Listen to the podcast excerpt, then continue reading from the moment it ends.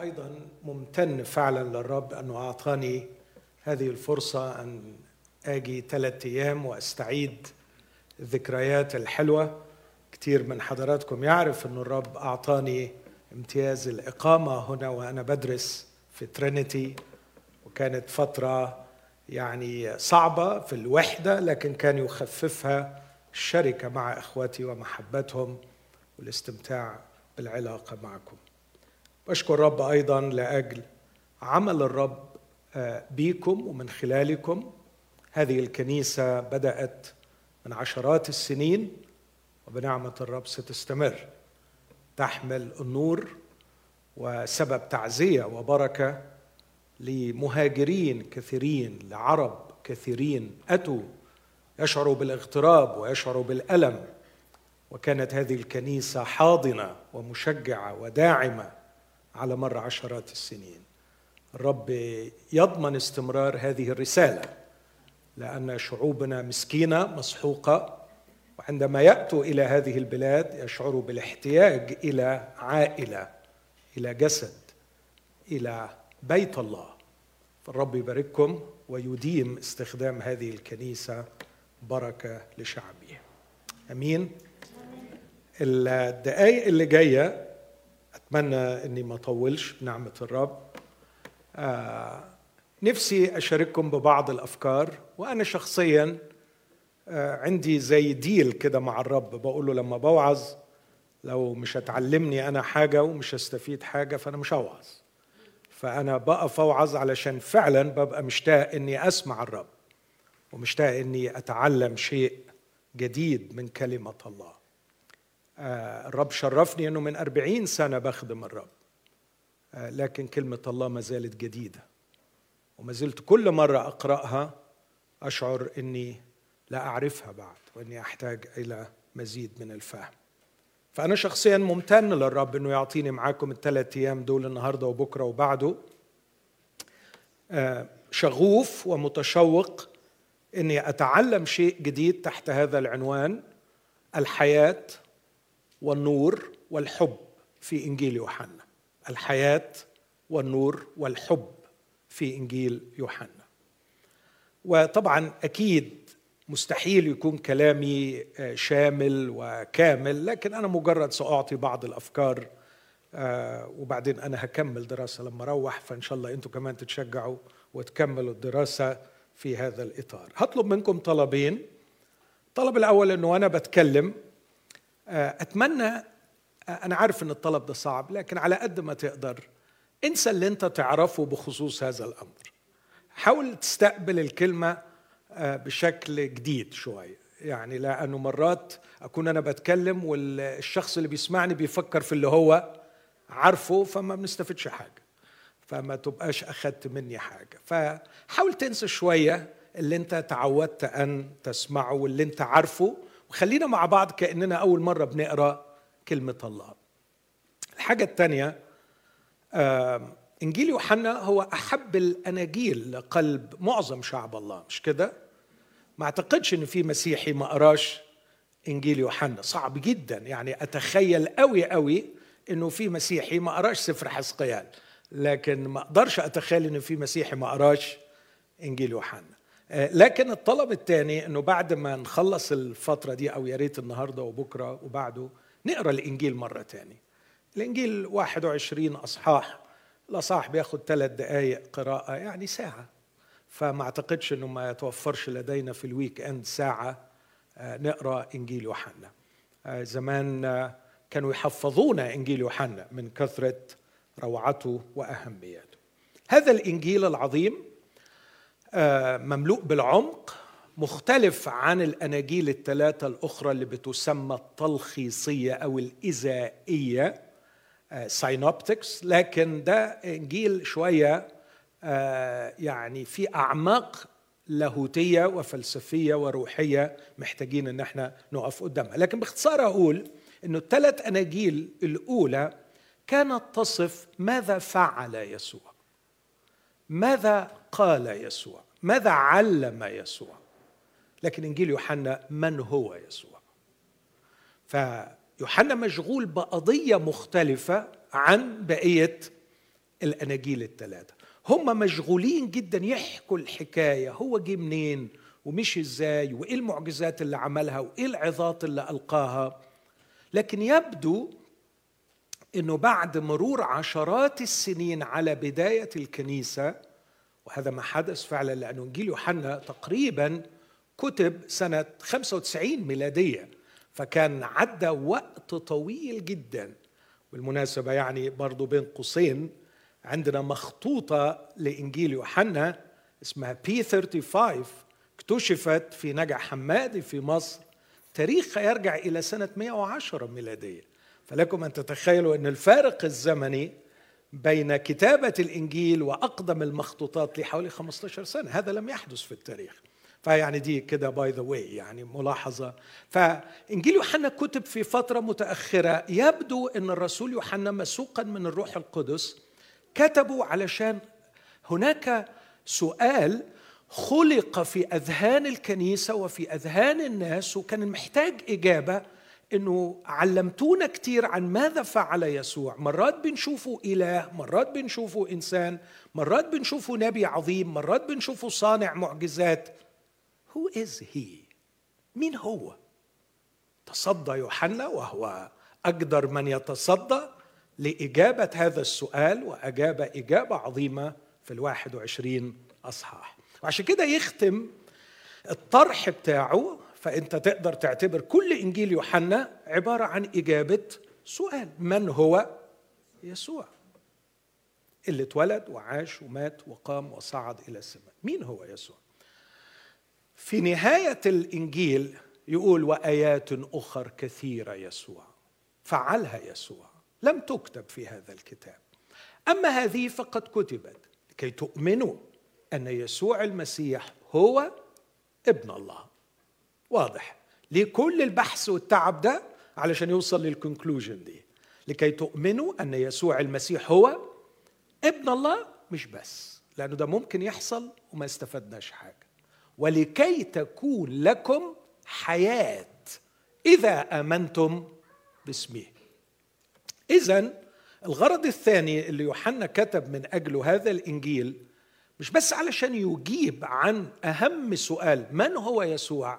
لكن ممكن واحد يضيف ويقول طب أنا أستفاد إيه لما أعرف مين هو يسوع؟ زي المثال اللي قالته ليديا طب وليه مات يعني؟ ليه مات؟ من حقه يسأل ليه مات؟ وإحنا وحقه علينا إن إحنا نجاوبه ونقول له ليه يسوع مات؟ فهو بيقول أنا بجاوبكم عن السؤال من هو يسوع؟ مش لأنه just I wanted to answer this question إنه مين هو يسوع؟ مش لأني أنا I love him. مش لأني أنا فخور بيه مش لأني أنا فاسينيتد بيسوع لكن في سبب تاني يهمك أنت شخصيا مش عشاني أنا لكي تكون لك حياة إذا آمنت باسمه دي خلاصة الإنجيل وأنا من الآخر هبدأ. تكون لنا حياة؟ أنا بقى هسأل زي الراجل اللي سأل ده اللي ليدي قالت عنه. ما أنا حي. يعني إيه تكون ليا حياة؟ وأنت شايفني ميت؟ ما أنا حي أهو. ما أنا حي زي الفل. ما أنا عايش أهو. يعني إيه تكون ليا حياة؟ What are you assuming about me? إيه الافتراض اللي عندك عني؟ أنا حي. أنت ليه مغلب نفسك طول الإنجيل وعمال تبشرني بإن يسوع يديني حياة يسوع يديني حياة يسوع يديني حياة؟ أنت شايفني إيه؟ انت مش مقتنع بأفكاري مش عاجبك حياتي ما أنا حي أهو زي الفل. يوحنا بيقول له لا الحقيقة أنت مش حي. وخليني أساعدك تعرف إيه هي الحياة؟ ما هي الحياة؟ وأعتقد ده السؤال اللي في غاية الأهمية اللي هحاول أركز عليه النهارده ويمكن بكرة قبل ما أتكلم شوية عن النور وعن الحب. ما هي الحياة؟ ما هي الحياة التي يتكلم عنها إنجيل يوحنا؟ الحقيقة بالبحث في الليترتشر اليوناني الأدب اليوناني والكتابات اليونانية لقينا إن الكتاب اليونانيين بيستعملوا ثلاث كلمات في كل الأدب اليوناني واللي بتترجم في كل اللغات حياة. في كلمة منهم βίος اللي منها كلمة بيولوجي وهي تصف حياة الجسد. لكن اليونانيين أيضا بيستعملوا كلمة أخرى وبتترجم حياة ويصفوا بها حياة الإنسان اللي منها جت كلمة سايك أو سايكولوجي فربما يشير بها أو ربما نقدر للتسهيل نقول الأولانية تشير إلى حياة الجسد الثانية تشير إلى حياة النفس. لكن عندهم كلمة ثالثه اسمها ζωή. ودي بيصفوا بها نوع حياة أرقى. يبحث عنه البشر يشتاق إليه البشر. في ال literature اليوناني في تليفون هنا عمال يرن لو yes please فهذا النوع من الحياة أرقى شويتين ثلاثة من آه، حياة الجسد. حياة الجسد اللي هي بتاكل تشرب بتتنفس تتكاثر أكل وشرب مش كده؟ حياة النفس ممكن تتكلم عن رغبات عن أحلام عن أمال عن أفكار عن معتقدات عن إرادة عن قرارات عن اختيارات. كل دي نسميها حياة النفس. لكن في نوع حياة أرقى من الاثنين دول. الناس بتدور عليه. والغريب جدا إنه من الممكن تلاقي بيت منيح صحته منيحة عنده فلوس عنده سيارة عنده زواج عنده وظيفة عنده career success لكن في شيء غايب مفقود. لا أعتقد إن في إنسان ينكر هذا الواقع. وأنا أعتقد إنه النقطة دي لو ما بدأناش منها مع بعض بقية الوعظة مش هيلزمك. إذا ما كنتش مقتنع معايا إن في something missed. في حاجة غايبة. في حاجة ناقصة. يبني القصر ويمتلك ويمتلك ويمتلك وفي الآخر ما زال يشعر بفراغ. في شيء ناقص. المزعج في هذا الأمر يا إخوتي هو إنه هو مش عارف إيه اللي ناقص. هو مش عارف إيه اللي غايب. قدمت خدمة من فترة مش بعيدة بعنوان الإنسان كائن مفكر أم كائن عطشان؟ وكانت إجابتي إنه الحقيقة الإنسان is not just thinking thing عمال بس يفكر يفكر لكن الإنسان في أعماقه هو كائن عطشان. بس المزعج والمخيف إنه مش عارف هو عطشان ليه. مش عارف هو عطشان ليه. أعتقد إنه سفر الجامعة وبحث سليمان البديع الفلسفي في سفر الجامعة بيثبت إن الإنسان مازال عطشان على الرغم من امتلاكه لكل هذه الأشياء التي امتلكها. فكان دائما يصل للقول باطل الأباطيل. كل باطل. الشبعان. قنيت لنفسي جنات وبنيت لنفسي وعملت لنفسي وجمعت لنفسي و و و وفي الآخر thank you النص قدامنا باطل الاباطيل vanity فراغ خواء عطش حيرة. اسمحوا لي أقف وقفة صغيرة هنا كده بعيدة عن الكتاب سنة صغيرة وأرجع بسرعة. لما تقرأ الأدب العالمي بتلاقي أحيانا الكتابات العالمية تعبر عن هذه الصرخة في قلب الإنسان أكثر من الوعاظ على المنابر وتلاقي التعبير عن الشعور العميق بالفراغ والصرخة المستمرة من قلب الإنسان عن هذا الشيء المفقود. تذكر أحد الفلاسفة في حوار مع سقراط كان بيحاول يوصف احتياج الإنسان اللي هو عطشان له ومش عارفه هو إيه فقال إنه الإنسان محتاج للحب محتاج للحب. وده إجابة إلى حد كبير صحيحة بس للأسف بيتم تفسيرها بشكل خاطئ. احتياج الإنسان للحب عشان كده إحنا الثلاث خدمات بتوعنا الحياة والنور والحب. هنتكلم عن الحب الذي لا ينفصل عن الحياة ولا ينفصل عن النور وهنفهم بكرة أو بعده إيه هو النور وإيه هو الحب. ففي طرحه ل آه، أو وصفه لمأساة الإنسان إنه مش لاقي اللي ناقصه. كان عنده تخيل غريب جدا. الراجل ده اسمه أرسطوفانس عمل تخيل غريب. قال هو الآلهة لما خلقت البشر في الأول خلقتهم سلندريكال يعني كل واحد فيهم كان زي الأسطوانة. فكان عنده عينتين قدام وعينتين ورا وعنده أربع ودان وعنده أربع رجول وعنده أربع أيادي. فكانوا البشر أقوياء جدا فعملوا إزعاج للآلهة. فالآلهة ضجرت منهم فراحت عقبتهم بأنها شطرت كل واحد منهم. اتنين فطلعنا إحنا البشر اللي بس بإيدين ورجلين وعينتين. بس قالوا من ساعتها كل إنسان عمال يدور على نص التاني. يريدوا أن يصوروا فعلا مأساة الإنسان إن في حاجة ناقصة. وخدوا بالكم أحبائي الحاجة اللي ناقصاه دي مش حاجة مجرد إنه يحطها في جيبه أو يحطها في بنك أو يمتلكها. لا الموضوع أخطر. خدوا بالكم وصف هذا الفيلسوف إنه عايز عايز حاجة يلتصق بيها لكي لكي أسمع منكم. يكتمل علشان يبقى نفسه. لأنه هو حاسس إنه من غير الحاجة دي ما هواش مش هو نفسه. أنا ناقص. أبحث عن الاكتمال. ومن هنا أستطيع أن أقول أن عطش الإنسان ليس هو عطش لشيء لكن عطش للاكتمال.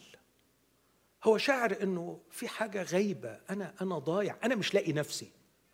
ممكن التعبير ده تلاقيه.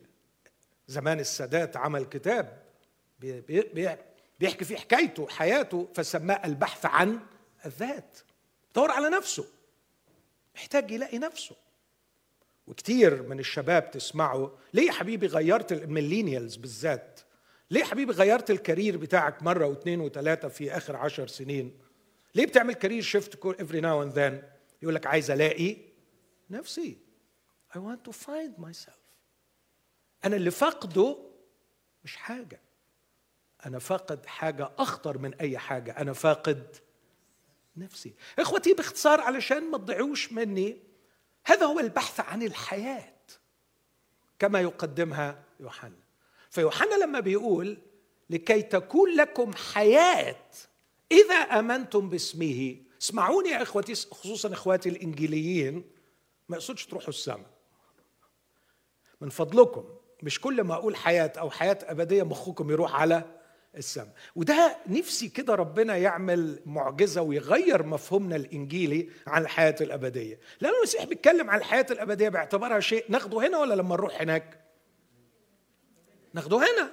طب ناخده هنا ونحطه في الثلاجة لغاية ما نوصل هناك نطلعه ونستعمله؟ ولا ناخده هنا نعيش بيه؟ نعيش بيه. يبقى إذا لنا حياة أبدية من الآن. يبقى الحياة الأبدية عطية من الله عرفها يسوع ببساطة قال هذه هي الحياة الأبدية. هذه هي الحياة الأبدية أن يطيروا في السحب للذهاب للسماء. أرجوكم يا إخوتي خلصوا أذهانكم من هذا المفهوم الخاطئ. هذه هي الحياة الأبدية أن يعرفوك. وكلمة يعرفوك في ال terminology ال biblical terminology علاقة شخصية حميمة. لما يقول آدم عرف امرأته مش تعرف عليها إلا Miss إيفا قالت له مستر آدم لا مش كده. لكن عرف آدم امرأته يعني هناك علاقة حميمة. يعرفوك أنت الإله الحقيقي وحدك. شركة عميقة مع الله ويسوع المسيح الذي أرسلته. هذه هي الحياة الأبدية. فلما نقول إنه شغف الإنسان هو البحث عن ما ينقصه وما ينقصه ليس شيء لكنه يبحث عن الاكتمال يبحث عن أن يجد نفسه أن يجد حياته. هذا هو ما يقدمه يوحنا. لكن يوحنا لا يتكلم عن حياة في المستقبل لكن يتكلم عن عطية في الحاضر. يوحنا 5 24 من أجمل الآيات اللي كان ليها دور خطير في حياتي لما رجعت للرب من أربعين سنة. الحق الحق أقول لكم إن من يسمع كلامي ويؤمن بالذي أرسلني له حياة أبدية. ولن يأتي إلى دينونة. بس اسمع بل قد انتقل من الموت انتقل. مش لما يبقى مرحوم وينتقل. لا now here and now. خد حياة وبيعيش هذه الحياة. مش حاططها زي ما قلت في الفريزر لغاية ما أروح السماء لكن فعالة ونشطة ومثمره ونافعة ومؤثرة. حياة يكون لكم حياة إذا آمنتم باسمه. أرجع تاني للأدب العالمي بسرعة. في مخرج ومؤلف روسي عملاق الحقيقة عبقري عمل فيلم. الفيلم اسم الفيلم The Zone zone يعني المنطقة. والفيلم ده ما فيهوش غير ثلاث شخصيات. طول الفيلم ما بتشوفش غير ثلاث شخصيات. وكل مشاهد الفيلم بيسموها في لغة السينما ال apocalyptic سينز يعني مشاهد خراب ودمار. يبدو إن في نيزك ضرب الكرة الأرضية أفسد ودمر كل شيء وناس عايشة تايهة ومش عارفة تعيش حياتها. الثلاث أشخاص دول فيهم واحد آه، قائد بيقود الاثنين التانيين واحد عالم واحد فيلسوف وبيقودهم لأنهم بيدوروا على حياة. وهو وعدهم وقال لهم إن أنا هقودكم إلى مكان باقي من هذا الخراب. إذا وصلنا له قدرنا نوصل له وسط الخراب ده كله هنلاقي فيه غرفة روم. إذا قدرنا ندخل للغرفة دي فيها زون. لو قدرنا نقف فيها هتطلب كل اللي أنت محتاجه وهيصير. والفيلم كله سخيف الحقيقة. عمال صراع صراع صراع. لكن الفكرة عبقرية. صراع صراع صراع وسط الدمار علشان يوصل للروم. وبعد ما يوصل للروم يجد طريقه إلى الزوم. لكن تشوف العبقرية في نهاية الفيلم. وصلوا لغاية الروم بعد معاناة طويلة. وبعدين قال لهم شاور لهم على الزوم. وده يقول لده ادخل انت وده يقول لده ادخل انت. ده يقول لده ادخل انت. اكتشفوا اكتشاف خطير. أنا لو دخلت هطلب كل اللي أنا محتاجه وهيصير. اكتشفت المشكلة. أنا مش عارف اللي أنا محتاجه. أنا مش عارف أنا عايز إيه. إخوتي الأحباء يجري البشر في سباق وتنافس محموم نحو شيء. تعرف هو ليه بيجري ورا الشيء ده؟ اصله ابن عمه جري وراه وزميله جري وراه وجاره جري وراه هو خد ماجستير أنا لازم أخد ماجستير. هو عمل دكتوراه أنا لازم أعمل دكتوراه. هو اشترى بيت أنا لازم أشتري بيت. هو غير السيارة أنا لازم أغير السيارة. أنت منقاد بإيه؟ منقاد باللي الناس بتعمله حواليه لأنه لا يعرف حقيقة احتياجه. إحنا محتاجين بس مش عارفين. إحنا محتاجين إيه؟ ينقصنا شيء لا نعرف كنه. عطاش لشيء لكن لا نعرف ما هو الماء الذي يروينا. انجيل يوحنا بيجاوب الإجابة الرائعة. أخيرا آه، عشان ما أروحش تاني للأدب العالمي آه، if you just google what is life لو كتبت السؤال ده هتطلع لك أغنية لجورج هاريسون من سنة 1970 what is life? تعرف بيقول إيه في مطلع الأغنية دي؟ بيكلم بيكلم شخص which is very good لأنه على الأقل أدرك إنه محتاج لشخص مش محتاج لشيء. يبدو إنه اللي هيشبعنا مش things مش أشياء لكن محتاجين علاقة. فبيقول what is my life without your love? And who am I without you by my side. تخيل. بس أنا اللي بتساءله وهو بيكتب هذه الأغنية هل كان يكلم إنسان أم يكلم الله؟ للأسف أعتقد إنه كان بيكلم إنسان. وبيقول له أنا حياتي ملهاش معنى. What is my life without your love? أنا محتاج حد يحبني. إخوتي أنا لا أتكلم من الكتاب المقدس دلوقتي. أنا بعبر لكم عن الصرخة الموجودة في الشارع بره الإنسان بيدور على حب. بيقول أنا عايز أتحب عايز حضن يضمني. يبدو إني اكتشفت بعد سنين طبعا العيال الصغيرة والشباب الصغير للأسف شديد بيعرف ده مؤخرا. أنا ناقصني شيء بس غالبا هذا الشيء هو علاقة رومانسية مثلا. محتاج حد يحبني. لكن كمان بيقول who am I without you by my side? لدرجة إني بفقد هويتي. بفقد الايدنتيتي تبعي without you. فأنا محتاج حد يحبني مش بس علشان يخليني ألاقي نفسي لكن أعرف أنا مين. هو ده بالظبط اللي إنجيل يوحنا بيقدمه. بيقول هو ده اللي أنا جاي بقدمه لك. الفكرة الأخيرة دي خدها وروح ليوحنا أربعة. اتفرج على يسوع. وهنا ما أقدرش أخفي حبي وإعجابي وانبهاري وشغفي بهذا المعلم وهذا السيد وهذا الشخص البديع اللي سايب الضجيج كله وباعت التلاميذ بعيد ورايح يلتقي بهذه المرأة علشان يفتح قلبه ويجاوب لنا على أهم سؤال البشرية محتاجاه. إيه اللي أنا محتاجه؟ إيه اللي ناقصني؟ في ترنيمة حلوة يا ليدي يمكن تعرفيها. كل اللي أنا محتاجه هو أنت. يا سلام لو وصلت للقناعة دي. خدوا بالكم أنا عارف أنا بكلم إنجليين وأنا خبرة 40 سنة في خدمة الإنجليين فأنا فاهم كويس. لما أقول كل اللي أنا محتاجه هو أنت طبعا أنا ما استغناش عن ربنا أبدا. أمال مين هيشفي المرض؟ ومين هيجوز البنات ومين هيشغل الولاد ومين هيحل الم... طبعا طبعا وإحنا نستغنى عن ربنا. أكيد كل اللي أنا محتاجه هو الرب. مش هو ده اللي بنحكي عنه؟ أرجوكم. أنا بحتاج علشان تبقى إنسان. أنا محتاجه عشان أبقى إنسان. أنا ببلغك خبر مش بدي لك قوة معجزية تحل لك مشاكلك. ده الدين للأسف. Hate it. لكن أنا بكلمك عن شخص لما ترتبط بيه يريستور يور سول يرجعك إنسان ينقذك من الحيوانية والشيطانية ينقذك من الأرواح الشريرة اللي مدمرة حياتك وينقذك من سيطرة الرغبات وعبودية الخطية. يعني يخليك إنسان. زي ما كان قاصد الله مكلل بالمجد والكرم. بحاجة حلوة كده حاجة تفرح. تحب تشوف زي يسوع. لما راح للمرأة وكان جميلا بديعا في روعة الخطاب وروعة الحوار أعطيني لأشرب. واو. بيلمس وتر رهيب أعطيني لأشرب.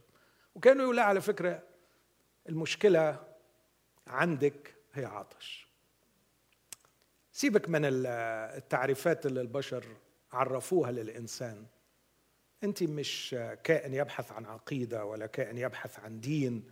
ولا كائن يبحث عن طعام وشراب. أنت كائن عطشان لعلاقة. بس أنت غلطتي غلطة. You misinterpreted it. أنت عملتي wrong translation. لما طلعت الامبلس من جوه تشعري بالعطش؟ اترميتي في حضن راجل. غلط العنوان غلط.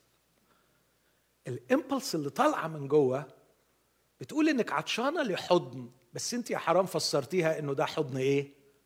راجل. فرحت اترميتي في حضن رجل. بس بعد شوية اكتشفتي انه ما نفعش مش كده؟ وفضلتي إيه؟ عطشانة. طب نعمل إيه؟ نغير بقى. نقول أكيد أنا فسرت العطش غلط. طلع العطش مش لراجل طلع العطش لحاجة تاني صح؟ ده التفسير الصحيح. بس هي عملت كده؟ قالت لا. قالت أنا غلطت صح بس مش في التفسير إن العطش لحاجة غير الراجل لكن غلطت في إنه خدت الراجل ده. فالحل إن أنا أعمل إيه؟ نغير الراجل. very simple فراحت مغيرة الراجل وخدت راجل تاني. وقالت إن شاء الله المرة دي هتظبط. بس بعد شوية ما ظبطتش. فالمفروض ترجع وتقول okay. أنا عطشانة وأنا شاعرة بالعطش وده it's legitimate need وأنا I need إن أنا أشرب وأرتوي لأنه ده حقي في هذه الحياة. مش معقول أعيش عطشان بهذا الشكل بس غالبا أنا عطشانة مش للراجل. كان المفروض تقول كده. لكن حرام قالت لا برضه معلش معلش الإنسان بيغلط مرة واثنين لكن إن شاء الله الثالثه ثابتة وهتظبط. وخدت الثالثه ما ظبطت. وخدت الرابعة ما ظبط. قالت احتمال يكون عقد الجواز هو اللي بيعقد الرجالة. فخلينا نعيش بدون يعني نبقى boyfriend و girlfriend ممكن ده قديم قوي الكلام ده. يعني مش حاجة جديدة. ممكن ده يخليها تظبط. وفضلت عطشانة. حتى جاء يسوع وقال لها لو كنت تعلمين كملوا معايا يوحنا أربعة من فضل. لو كنت تعلمين عطية الله. wow. ما أحلى هذه الكلمة. آه لو كنت تعلمين the gift of God. الله عنده gift. كنت بحكي مع كابل من أولادي الغاليين وبنحكي بيشاركوني بإحسانات الله معاهم وكيف الرب سدد كل أعوازهم المادية. فقلت لهم ربنا زي أب عنده محفظة عارفين والد كبيرة قوي. أرخص عملة فيها هي الفلوس. أرخص حاجة فيها هي الفلوس. لكن في حاجات أهم من الفلوس. زي إيه مثلا؟ زي الرحمة. إيه رأيكم في الرحمة؟ لما يقول له رحمتك أفضل من الحياة. إيه رأيك تاخد فلوس كتير وما تتحرم من رحمة الله؟ إيه رأيك؟ 100 مليار دولار وتتحرم من رحمة الله. ولا يعمل شيء. أنا بشوف ناس عندهم مليارات ومحرومين من الرحمة اليومية عايشين في عذاب. لكن في حاجة أعظم من الرحمه في النعمة. يقول لما نتقدم إلى عرش النعمة ننال رحمة. لكن نجد غالبا الرحمة ممكن ناخدها لكن النعمة ما نقدرش. ما نقدرش لكن نلاقيها زي بحر كده نسبح فيه. رحمة ونعمة و... لكن تعرف كل ده بيديه حتى للأشرار. لكن في حاجة اسمها عطية الله. اللي بولس يقول عنها شكرا لله على عطيته التي لا يعبر عنها. ما هذه العطية يا أحبائي؟ هي عطية الحياة الأبدية في يسوع المسيح اللي من خلالها أبقى إنسان احيا أبطل ابقى حيوان أبطل أبقى أداة في يد الشيطان. أبقى إنسان. أرجع أكون إنسان. واو. هذه عطية الله. لو كنت تعلمين عطية الله. ومن هو الذي يقول لك أعطيني لأشرب؟ لطلبت أنت منه فأعطاك ماء حيا لأن كل من يشرب من هذا الماء لما بتقول له من أين لك الماء الحي؟ قال لها. كل من يشرب من هذا الماء يعطش أيضا لكن من يشرب من الماء الذي أعطيه أنا فلن يعطش إلى الأبد. يعني إيه لن يعطش إلى الأبد؟ ده برضو تعبير مهم قوي إن إحنا نفهمه. يعني إيه لن يعطش إلى الأبد؟ يعني لن يعطش إلى الأبد بمعنى إنه مش هيبقى عنده احتياجات مثلا بيولوجية مش هيبقى عنده احتياجات نفسية. لا أكيد هيفضل عندنا الاحتياجات لكن لن يعطش إلى الاحتياج الأساسي لن يعطش. خلاص يبقى لقي نفسه. لن يظل مستمرا في دائرة التيهان التي استهلكت عشرات السنين وهو يركض وراء هذا الشيء ووراء هذا الشيء وكل مرة يرجع خايب نايب عمال يقول باطل الأباطيل. الكل باطل. لا خلاص خلصت الرحلة الغبية دي. لن يعطش إلى الأبد. لقد وجدت نفسي. قد وجدت الحياة. هو قال من يجدني يجد الحياة. قد وجدت الحياة في المسيح. عرفته احببته امتلأت. امتلأت به. ومن هنا أنطلق في بحثي في الحياة. أبحث عن خدمته وأبحث عن إرادته وأتمم مشيئته وأبحث عن خدمة الآخرين. والبي نداءات الحياة الطبيعية فأنا بعطش لأشياء كثيرة لكني لا أعطش للشيء الجوهري الأساسي الذي ضاعت مني حياتي عندما كنت بدونه. من يشرب من هذا الماء لن يعطش ابدا بل الماء الذي أعطيه يصير فيه ينبوع ماء. يعمل إيه؟ ينبع إلى حياة ابديه اوعوا تقولوا السماء خلاص اتفقنا؟ لكن ينبع إلى حياة أبدية. يعني يعيش ال eternal life from now واخوتي الأحباء ده مهم قوي نفكر فيه. هو ليه بيسميها eternal لأنه الله لما خلق الإنسان لم يكن يقصد له الموت لكن كان يقصد له الخلود والبقاء. فال eternal life هي ال essential human life خدوا بالكم من الفكرة دي. The eternal life is the essential human life. اللي هي كانت في قلب الله إنه هو يدهن اللي هي تيجي من شجرة الحياة. برافو عليكم. اللي تيجي من شجرة الحياة.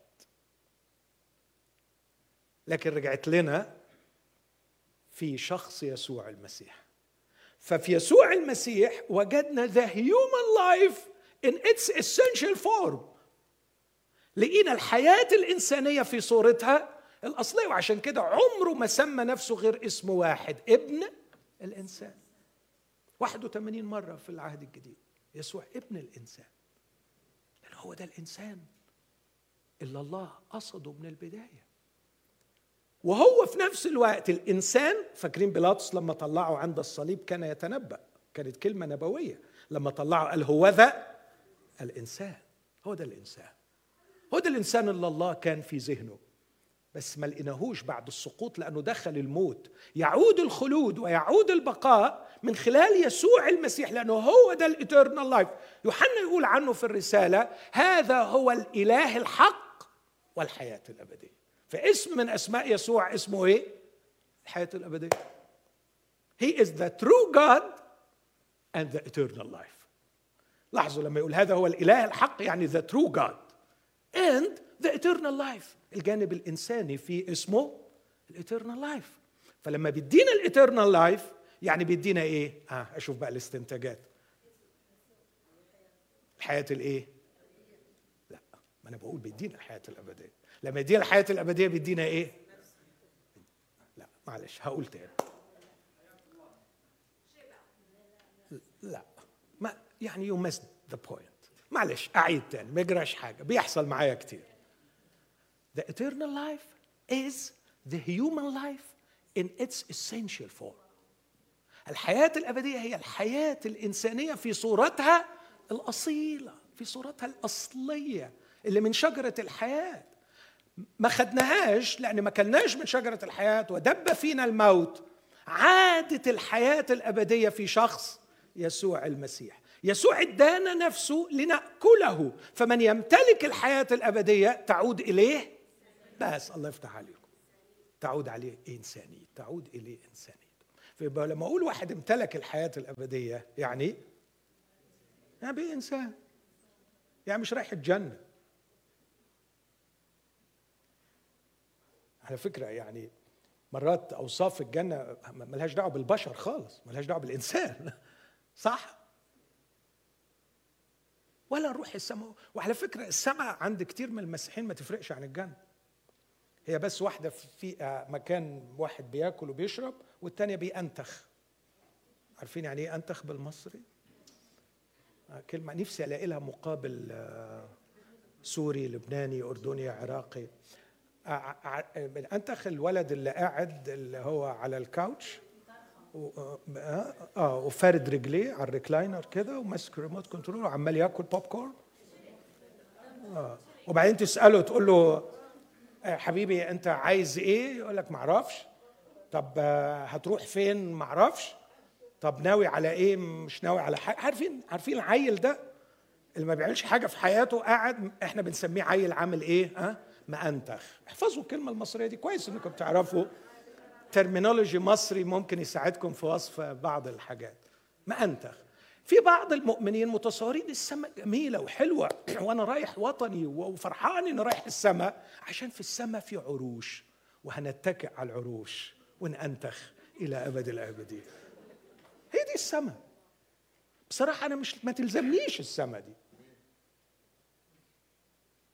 مش هي دي خالص اللي جاء يسوع المسيح من اجله يسوع المسيح ما جاش عشان يودينا السماء. يسوع المسيح جه عشان يجيب السماء هنا. السماء الحقيقية. في شركة مع الله. في علاقة مع الله. في إثمار وشبع من يجدني يجد الحياة.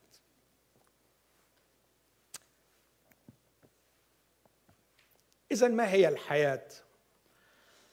ليست هي الحياة البيولوجية. الحياة التي يقدمها إنجيل يوحنا بيحكي عنها 47 مرة في الإنجيل. الرقم ده براجعه ورايا. 47 مرة يتكلم عن الحياة. وهقول بعض الأرقام بعد شوية. حلو إنك تاخد نوتس بيها وتراجعها. 47 مرة يتكلم عن الحياة. لا يتكلم عن الحياة الجسدية ولا يتكلم عن الحياة النفسية إنجاز لي أقول. لكن يتكلم عن الحياة الإنسانية أو الحياة الأبدية. الحياة الإنسانية اللي هي فهمنا إنها الحياة الأبدية الحياة اللي تخليك أسمع إنسان. آه لا سمعت دكتور مدحت بيقول خليك بني آدم. لا الله يخليك بلاش بني آدم. لكن إنسان في المسيح إنسان في المسيح. لأن إحنا مش هنرجع تاني للجدع ده لأنه تعبنا. فالحمد لله أن ربنا طلعنا منه. فاحنا اللي واخدينه منه so far هو ال body بتاعه. ال body بتاعه. لكن حتى ال body ده هيتغير. وكما لبسنا صورة الترابي سنلبس صورة السماوي. فاحنا من دلوقتي حاليا في حالة صعبة شوية. مسيحيين من جوه آدميين من بره وده اللي تعبنا. لكن لما يجي المسيح هنبقى مسيحيين من جوه ومن بره إن شاء الله. قريب. فده اللي هيتغير. لكن so far أنا ال identity بتاعتي مش بني آدم ال identity بتاعتي إنسان. وأستمد هويتي من يسوع المسيح اللي وهبني الحياة الأبدية. آه، في بعض الآيات يعني مثلا علشان تبقى قادر تحس بالفرق لما الرب يقول في مثل الزارع إنه اللي وقع بين الشوك في لوقا 8 مثلا إنه اللي وقع بين الشوك بيخنقوا الشوك. لما فسر الشوك قال ملذات وهموم الحياة. ملذات وهموم الحياة. أو هنا ال bios هنا البيولوجي الحياة الجسمانية.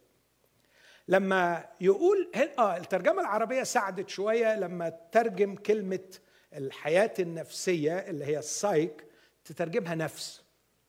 لكن في اليوناني هي حياة. فأرى لكم مثلا عبارة في يوحنا 12 آه، يوحنا يوحنا إنجيل يوحنا ما استعملش ولا مرة الحياة البيولوجية واستعمل سبع مرات الحياة النفسية وأربعين مرة الحياة الروحية الأبدية. في يوحنا 12 25 بص يقول إيه؟ من يحب نفسه يهلكها ومن يبغض نفسه في هذا العالم يحفظها إلى حياة أبدية. واخدين بالكم من ال آه، ف مرتين لما يتكلم يحب نفسه من يبغض نفسه دي السايك. لكن يحفظها إلى حياة أبدية دي زو دي الحياة الإلهية الحياة الروحية. أعتقد أنه بالمفهوم اللي شرحته ده أقدر أفهم يعني إيه واحد يحب نفسه وواحد يهلك نفسه. يحب نفسه هنا يعني يعيش بالاستقلال عن الله. خلاص هو هيعمل إرادته. يعني تاني هيعيد الأكل من شجرة معرفة الخير والشر. أكل من شجرة معرفة الخير والشر I want to define what's right what's wrong. مش الله هو اللي يعرف. أنا I am the God of myself. أنا ربنا بتاع نفسي. أنا ال point of reference ف it's not knowledge لكن definition. It's not to know it's to define. أنا الله. وده اللي واضح. لأنه قال له لما تاكلوا منها تكونان كالله. عارفين؟ الخير والشر. هو ده نوع الحياة اللي هي السايك. نوع الحياة دي اللي فيها موت روحي لأنك قررت تكون God of yourself. أنا مش عايز شجرة الحياة. أنا مش عايز يبقى في lifeline بيني وبينه وطول الوقت أنا معتمد عليه وحياتي تنبع بيه. أنا مش عايز أعتبره نص التاني اللي ألاقيه وأحضنه وأرتبط بيه وأعيش ملتصق بيه. أنا مش عايز كده. أنا عايز أبقى إله نفسي. وأنا أقرر إيه الصح وإيه الغلط وإيه الخير وإيه الشر وأنا أختار لنفسي وأنا أروح وأنا واجي. أهو ده الموت. من يبغض نفسه يعني تبغض هذا النوع من الحياة. مش تبغض نفسك يعني تبص في المراية وتقول لها بكرهك أوعى تعمل كده. بالعكس الرب عايزك تبص لنفسك وتقول لها بحبك. تعرفي ليه بحبك؟ لأن يسوع حبك. صح؟ أوعى أوعى تفكر في روحك بشكل سلبي وتكره روحك. وفي بعض الوعاظ شغلتهم يكرهوا الناس في نفسهم. اسمع لهمش على مسؤوليتي. على مسؤوليتي. Don't listen to them. لأنه أنا بقول ببساطة شديدة كيف أكره من أحبه الله؟ يبقى ما عنديش ذوق حتى. إذا كان الرب دايما بيبص لي بيقول لي صرت عزيزا في عيني مكرما وأنا قد أحببتك. أنا بحبك. وعايزك تحب نفسك. تحبها بإنك تدور لها على اللي يحييها وترجع لها إنسانيتها. آه ابغضها لما تحاول تشدك بعيد عن ال source of life أيوه ابغض أي محاولة داخلية تقودك بعيدا عن ال source of life هو ده إبغاض النفس. فإبغاض النفس مش إنك تكره شكلك ولا تكره ال body image بتاعتك ولا إنك تكره آه، يعني حقوقك. no no. حقوقك sacred ولازم تدور على حقوقك ولازم تحترم نفسك ولازم تلزم الآخرين إن هم يحترموك. ده اللي, ده اللي الرب عايزنا نعيشه في كرامة نعيش في كرامة ومجد وبقاء. لكن ليس بالانفصال عن الله وإلا نتحول إلى مونسترز وده اللي حاصل في العالم حاليا. في إنجيل يوحنا أصحاح عشرة العبارة الشهيرة أتيت لتكون لهم يوحنا عشرة عشرة أتيت لتكون لهم حياة ويكون لهم أفضل. حياة النفس مش هي الأفضل لكن حياة الروح. آه، أرجو ما تفهمش غلط بأنه أنا ضد حياة الجسد أو حياة النفس لأن دي برضو عطايا من الله. لكن بنرتب الثلاثة يعني حاولت ألاقي تشبيه يمكن التشبيه اللي أقوله ده ما يكون قاصر لكن يساعد. تخيل عندك سيارة. السيارة مصممة لغرض رائع وراقي أكيد مش إنك تدوس الناس صح؟ أكيد. بس هي ممكن تعمل كده. لكن اللي صمم السيارة صممها علشان تسهل الحياة وتحقق أغراض نبيلة وعظيمة. وبدون السيارات فعلا أنا ما أعرفش كنا نعمل إيه. فبنشكر رب لأجل هذا الاختراع. فالسيارة اختراع رائع جدا. بس السيارة محتاجة وقود محتاجة جاز. صح؟ الله يكون في عونكم اليومين دول يعني. فالسيارة محتاجة جاز. الجاز هو ال energy ودي حياة الجسد. لكن عندي السيارة وعندي الجاز محتاج سواق. أعتقد إن حياة الروح أو الحياة الإلهية الحياة الأبدية الحياة الإنسانية هي السواق. وهو بقى اللي هيسوق. هيخليك تعمل حادثة خليك تدمر الناس حواليك خليك. فأنا محتاج للبادي ومحتاج للنفس. لكن محتاج إن البادي والنفس يكون اللي سايقهم وموجههم هي حياة الروح. فلا دعوة اطلاقا لكراهية الجسد ولا لكراهية النفس. لكن ما يقصده يسوع يبغض نفسه إنك تقرر تقرر إنك تبقى بتسوق حياتك بالاستقلال عن إلهك. في الحياة الروحية لما برتبط بيه وبلتصق بيه هو بيبقى حياتي وهو اللي بيبقى بيسوق بيبقى حالل فيا وهو اللي بيسوقني وعشان كده بتكون الحياة ليها معنى وليها طعم. أنا خلاص هختم بإني أقول بعض الحاجات السريعة. لما ترجعوا تقروا إنجيل يوحنا عايزكم تلاحظوا إن الإنجيل جميل قوي في تقسيمته سهل قوي هو عبارة عن أربع رحلات ليسوع إلى أورشليم. فيري سمبل فيسوع طلع أورشليم كم مرة؟ أربع مرات. والأربع مرات للتسهيل كانوا دايما في الأعياد. فطلع أول رحلة في أصحاح اثنين وتاني رحلة في أصحاح خمسة. وثالث رحلة في أصحاح سبعة. ورابع رحلة والأخيرة في أصحاح 11 يبقى خلي بالكم. اثنين خمسة سبعة 11 في اثنين لو تفتكروا لما طلع في عيد الفصح وراح وطهر الهيكل. برافو. وقعد هناك وهناك بقى تقابل مع نيقوديموس وبعدين وهو راجع قابل المرأة السامرية وبعدين وصل وشفى الابن خادم الملك في نهاية أصحاح أربعة. دي الرحلة الأولى. الرحلة الثانية صعد يسوع في يوم الخمسين. عيد الإيه؟ الخمسين. ده في أصحاح كام؟ خمسة. عيد الخمسين. أصحاح خمسة. وقعد هناك في أورشليم أصحاح خمسة وأصحاح ستة ورجع تاني إلى الجليل فعمل معجزة إشباع الجموع في أصحاح ستة. فطلع العيد في عيد الخمسين ونزل تاني في أصحاح ستة. أصحاح سبعة طلع المرة الثالثة عيد أه المظال. برافو. عيد المظال. فطلع عيد المظال في أصحاح سبعة ولما طلع على عيد المظال أنا فعلا ممتن للي قاعد على بتاع الله يباركه آه، يعني مساعدني قوي. فأصحاح سبعة عيد المظال وانت حضرتك؟ oh thank you وفي اصحاح سبعة آه، وصل المظال وعمل حديث رائع وفي اصحاح ثمانيه جابوا له الست فين؟ حد فاكر؟ في الهيكل الامراه التي أمسكت وعمل حديث طويل عن نفسه وكمل في أورشليم لغاية عيد مش من الأعياد الرسمية اسمه عيد التجديد اللي هو عيد تجديد الهيكل. ده عيد كده كانوا اخترعوه احتفالا بتجديد الهيكل فلغاية اصح عشرة. فمن سبعة لعشرة دي الزيارة رقم كام؟ الثالثة لما طلع لعيد المظال وكام وبعدين رجع الجليل وفي أصحاح 11 لبى دعوة الأختين مرثا ومريم وراح لهم علشان لعازر وبيت عنيا قريبة من أورشليم. فبعد ما شفى بعد ما أحيا لعازر راح على أورشليم وكمل بقى الأسبوع الأخير أسبوع الالام ف very simple الإنجيل عبارة عن أربع زيارات لأورشليم.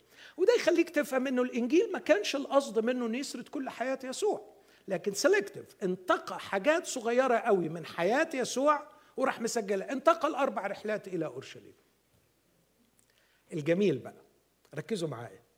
الرحلة الأولى والثانيه اللي هم من أصحاح اثنين وخمسة اللي بيخلصوا في أصحاح سبعة عفوا ستة قبل ما نوصل لأصحاح سبعة. يعني من أصحاح اثنين لأصحاح ستة الموضوع كله الحياة. ما بتكلمش عن النور ما بتكلمش عن الحب. اتكلم عن النور قليل قوي. اتكلم عن الحب قليل قوي. لكن في الجزء ده حوالي أربعين مرة عن الحياة. بعدين في الرحلة الثالثة التركيز كله على النور من سبعة لعشر. من 11 للآخر التركيز كله عن الحب. فيبقى نفهمهم بالطريقة دي. الرحلة الأولى والثانية عن الحياة والرحلة الثانية عن النور والثالثة عن النور والرابعة عن الحب. وده كان كلام كتير عن الحب. وتستغرب فعلا إنك تلاقي مثلا في الجزء الأول مرتين كتير عن المحبة وتلاقي 40 مرة عن المحبة في الجزء الأخير والعكس عن الحياة. لما نيجي للجزء بتاع الحياة ده تكتشف إنه يوحنا عايز كان يوصل لنا فكرة جوهرية جدا. طب أنا دلوقتي بعد ما عرضت أهمية الحياة واحد يسأل ويقول طب أنا عايز الحياة دي أعمل إيه؟ مش كده؟ مش ده سؤال يعني آه، شرعي؟ آه، أعمل إيه؟ أنا عايز الحياة دي. بص بقى العبقرية اللي يوحنا سجل بيها الحديث بتاعه عن الحياة أول حاجة سجلها بعد الانترودكشن الطويلة بتاعته من أصحاح واحد لغاية أصحاح اثنين عدد 12 بعد حكاية عرس قنا الجليل صعد يسوع في عيد الفصح إلى اليهودية. أول حاجة يقولها طهر الهيكل. كأنه عايز يقول إن مسرح الموت الإنساني هو التدين الشكلي هقول تاني العبارة دي. مسرح موت الإنسان. منطقة اللي بيظهر فيها أكتر ما يظهر موت الإنسان هو تدين الشكل. فعايزين نبدأ نتكلم عن الحياة لازم ننظف الأول. فنروح فين أول حاجة؟ الهيكل. وفوجئنا إن الهيكل اللي هو مكان الحياة اللي فيه مكان علاقة الإنسان بالله عشان ينال الحياة ده التصميم الأصلي في تكوين واحد واثنين. يوم السبت يجتمع الإنسان بالله ويستريح ويأخذ الحياة من الله في شركة مع الله. لقينا بيع وشراء وجعلت بيت أبي بيت تجارة. لو انت فعلا مخلص وجاد وبجد حقيقي نفسك تبقى إنسان تخلص من التجاره بالدين أول حاجة اعملها لا تتاجر بالدين ولا تخلي حد يتاجر بيك بالدين. التجارة بالدين قتل الإنسان وقتل الإنسانية وأكثر تجارة رائجة في العالم اليوم هي التجارة أوعى تفكر تجارة السلاح ولا البورنوغرافي ولا المخدرات. ولا السلاح أكتر تجارة هي تجارة بالدين it's business business ضخم. وعايز أقول لكم وأكثر دماء سفكت في تاريخ البشر سفكت بسبب الدين. وأكثر صراعات مكرهها الناس في بعض صراعات دينية. فخلي بالكم عشان كده يسوع أول حاجة لو اللي عايز حياة يصنع سوط وينظف الهيكل ويطلعهم. كفاية بقى كفاية بقى تجارة. كفاية business الحاجة الثانية حاول إنك تتحول عن ما هو مادي إلى ما هو روحي. قالوا له أنت بأي سلطان عمال تعمل اللي أنت بتعمله ده؟ أية آية ترينا. إدينا evidence أنت ليه بتعمل كده؟ إيه سلطانك؟ قال لهم okay هديكم آية. وهي آياتي العظمى. وأعظم دليل عندي. انقضوا هذا الهيكل. وأنا في ثلاثة أيام أقيم. بصراحة رب يسوع بتغيظ أنت في الحتة دي. طب هم يفهموا يعني الكلام ده؟ ده حتى تلاميذك ما فهموش إلا بعد قيامتك. لكن كان يريد أن يحول نظرهم عن ما هو هدوا الهيكل ده. هو ده اللي هيأكده في أصحاح أربعة وهو بيكلم المرأة عن الماء الحي. لا في هذا الهيكل ولا في هذا الجبل ولا في أورشليم. الله روح. والساجدون الحقيقيون بالله لله بالروح والحق ينبغي أن يسجد هيحول عن ما هو مادي إلى ما هو روحي. بس عارف إحنا فعلا غلابة الخدام. عمالين نجري ورا الناس ونشد الناس ناحية ما هو روحي يفلتوا مننا ويرجعوا إلى ما هو حسي ومادي وطقسي. صح؟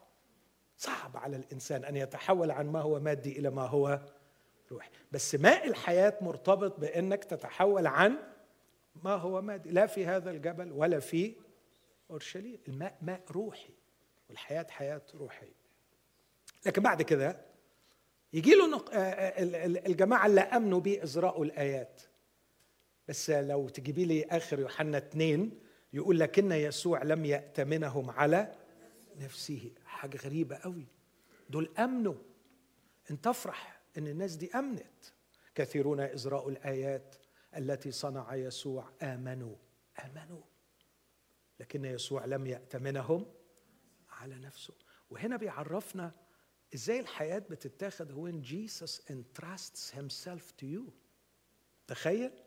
يعني يسوع يأتمنك على نفسه. يعني دخلنا عارفين دي ما تتقالش إلا في الجواز يا جماعة. صح؟ صح ولا لا؟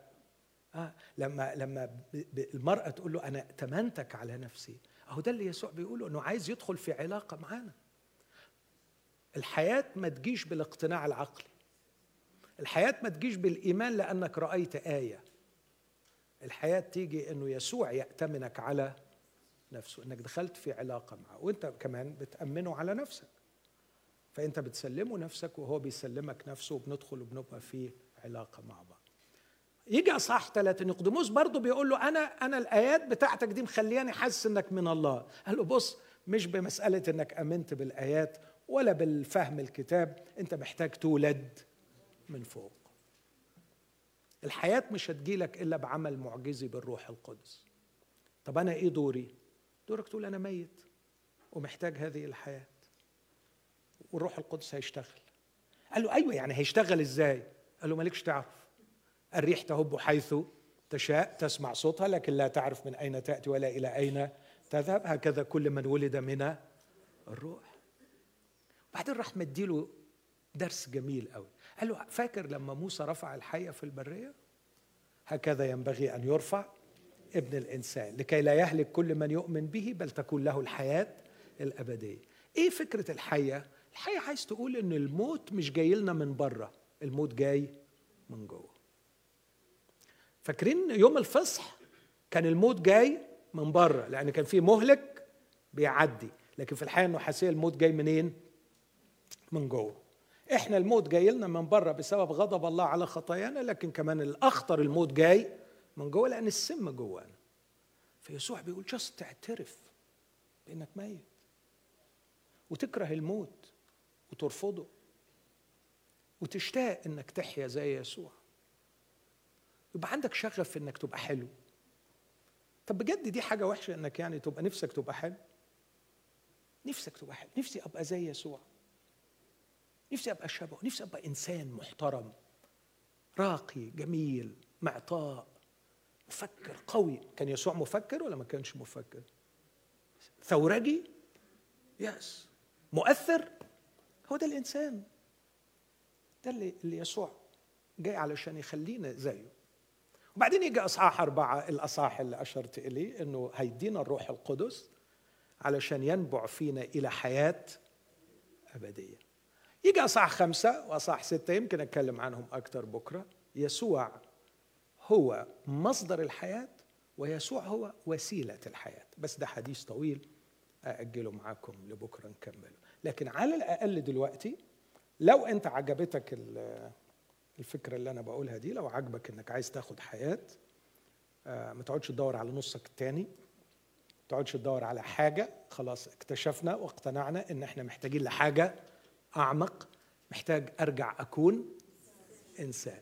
وعشان أرجع أكون إنسان أبطل تجارة بالدين أبطل شغل التدين الشكلي أتحول من هو ما هو مادي إلى ما هو روحي وأبقى عايز أرتقي فعلا. وبعدين أقول ليسوع أنا ميت اديني الحياة الروح القدس بيعملها. تولد من الله. تعترف بالموت اللي جواك وتنظر إلى يسوع. زي ما موسى رفع الحيه في البرية كل من ينظر إليها يحيا. أنا كمان أنظر إلى المسيح وعطيته.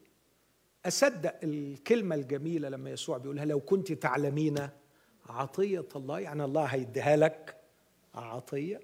فتفتح قلبك ليها وتاخذ العطية وبعدين تعيش بقوة الروح القدس. أمين؟ خلونا وإحنا في أماكننا. آه ولا هترنمي معانا يا ليديا؟ مش كده؟ اتفضلي خلونا نقف وإحنا بنرنم مع ليديا. أكيد تعبتوا من القعدة. فنقف وإحنا فعلا بن بنفكر في اللي سمعناه النهارده. آه، قول له يا رب أنا عايز أحيا. خد الدقيقتين دول قبل ما نرنم مع ليديا. اطلب من الرب غفران الخطايا ونصيب مع المقدسين. قول له يا رب أنا بطلب غفرانك لحياتي. وبرجوك يا رب إنك تعطيني نصيب مع المقدسين في هذه الحياة. نفسي أحيا يا رب. غمض عينيك ما تنشغلش بحاجة وقولي للرب نفسي أكون إنسان. نفسي ألاقي نفسي أجد حياتي.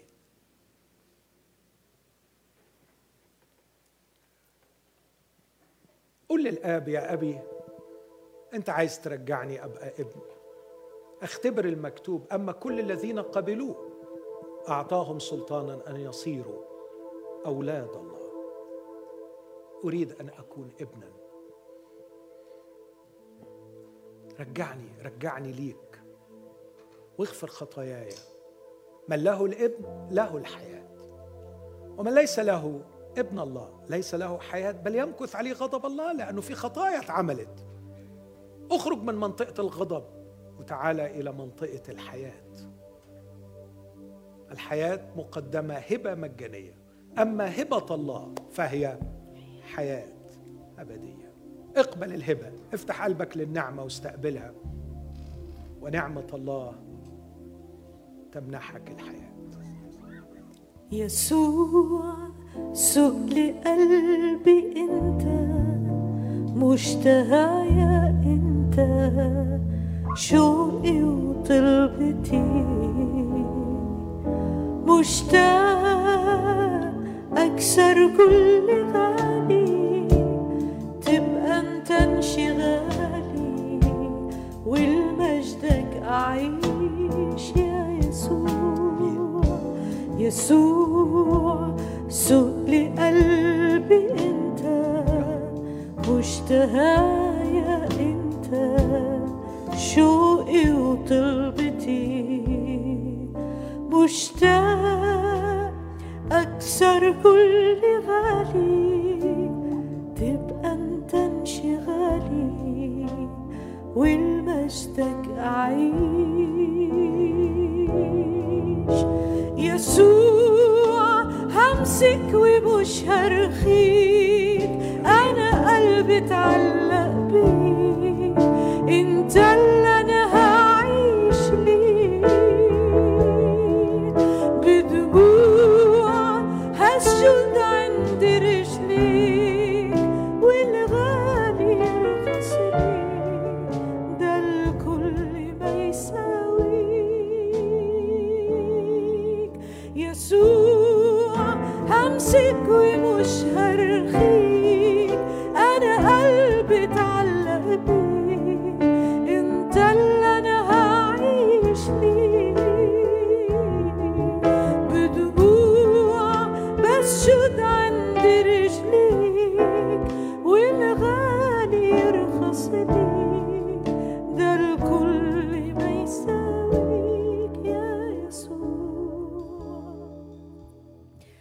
يسوع بسجد لك حبيبي أنا بختارك نصيبي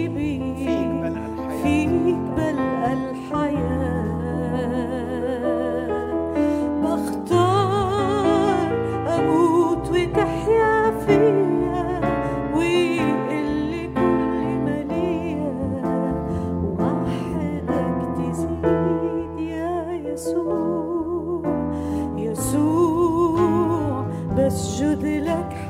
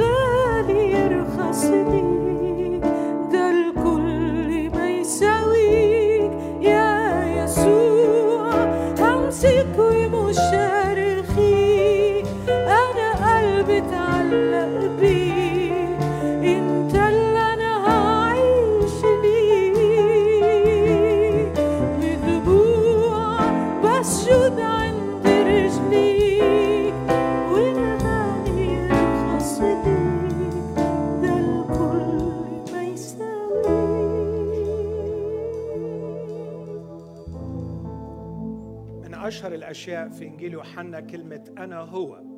يسوع بيعرف نفسه وبيقول أنا هو. فيعني as if he is introducing himself to every one of us. بيقول أنا هو. فبيقول أنا هو القيامة والحياة.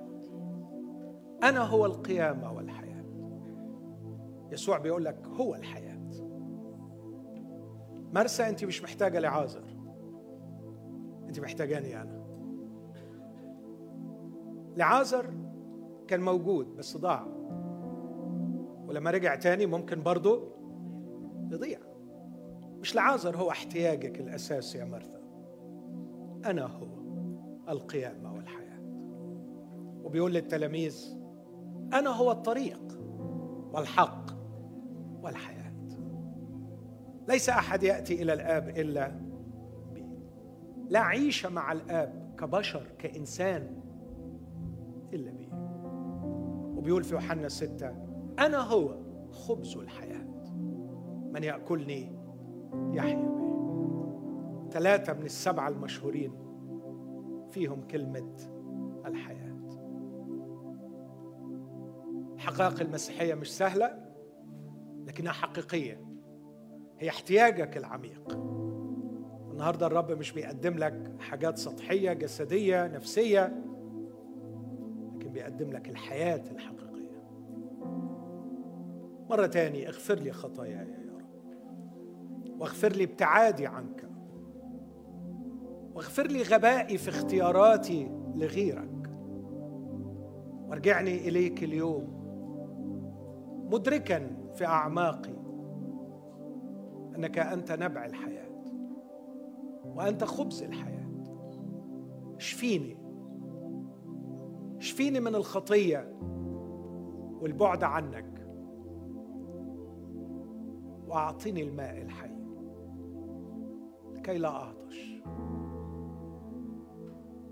مرة أخيرة من فضلك من فضلك قوليها وثق أن الرب يستجيب. دمك المسفوك عني يغفر كل أثام ابتعادي عنك.